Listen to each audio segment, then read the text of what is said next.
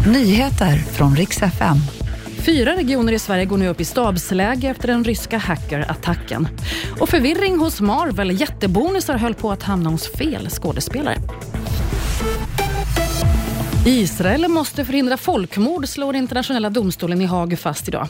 De meddelar att de är väl medvetna om det mänskliga lidandet som pågår och Israel måste därför vidta flera åtgärder för att förhindra allt agerande som faller under folkmordskonventionen. Och nu får de en månad på sig att återrapportera att de har gjort åtgärderna.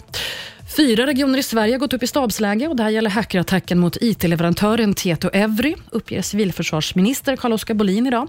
Det här berör Västerbotten, Sörmland, Blekinge och Uppsala. Ännu har man inte helt klart för sig omfattningen av attacken som påverkar flera svenska företag och myndigheter. Det ska handla om förvirringen på Marvel i veckan. De har ju blandat ihop skådespelare. Skickade ut mejl om jättebonusar som man skulle få för sina Avengers-filmer. Förvånad blev Tom Hollander som fick ett mejl om en jättebonus. Han är nämligen inte alls med i den filmen. Det är däremot Tom Holland, snarlika namn, helt olika skådespelare. Häpnadsväckande summor slog Hollander fast om Hollands lön.